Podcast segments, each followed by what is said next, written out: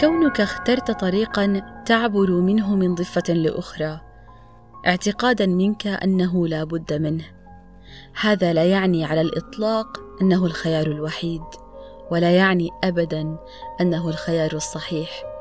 وإن كان صحيحا أو منطقيا بحسب ما ارتأيت في لحظة ما حين دفعك موج فكرك نحوه لا يعني أنه الأصح.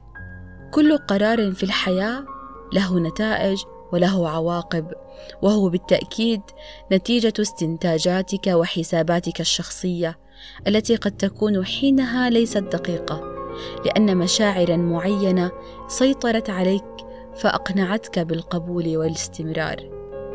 حين يحتلك الخوف سيدفعك للقبول لأنه سيقنعك بأن هذا هو طريق النجاة حتى لو كلفك نفسك وهذا ليس ثمنا باهظا.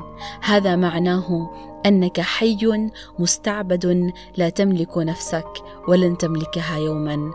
بمعنى آخر هذا قرار تكلفته أن تهب رقبتك لسيف لا يتزحزح حده عنها. قراراتنا من أصغر الأمور لأعظمها هي الطريق لرسم صورة حياتنا من أدق التفاصيل وصولا للصورة الكاملة. كل صواب هو نتيجة قرار وعلى الجانب الآخر كل خطأ كان وراءه أيضا قرار. وكلما ازدادت جودة اتخاذك للقرار وعيك بما تريد وما لا تريد نضجك للتقييم كلما أبهرتك النتائج. علما بأن القرارات الناضجة هي نتاج الكثير من القرارات التي أوصلتك لحائط مسدود للاستثمار في أرض لا تصلح للحياة أو في شجر لا يثمر وأرواح لا تسمو وقلوب لا تخلص. وهذا جزء لا يتجزأ من طريق الوصول. لكن المهم هما أمرين.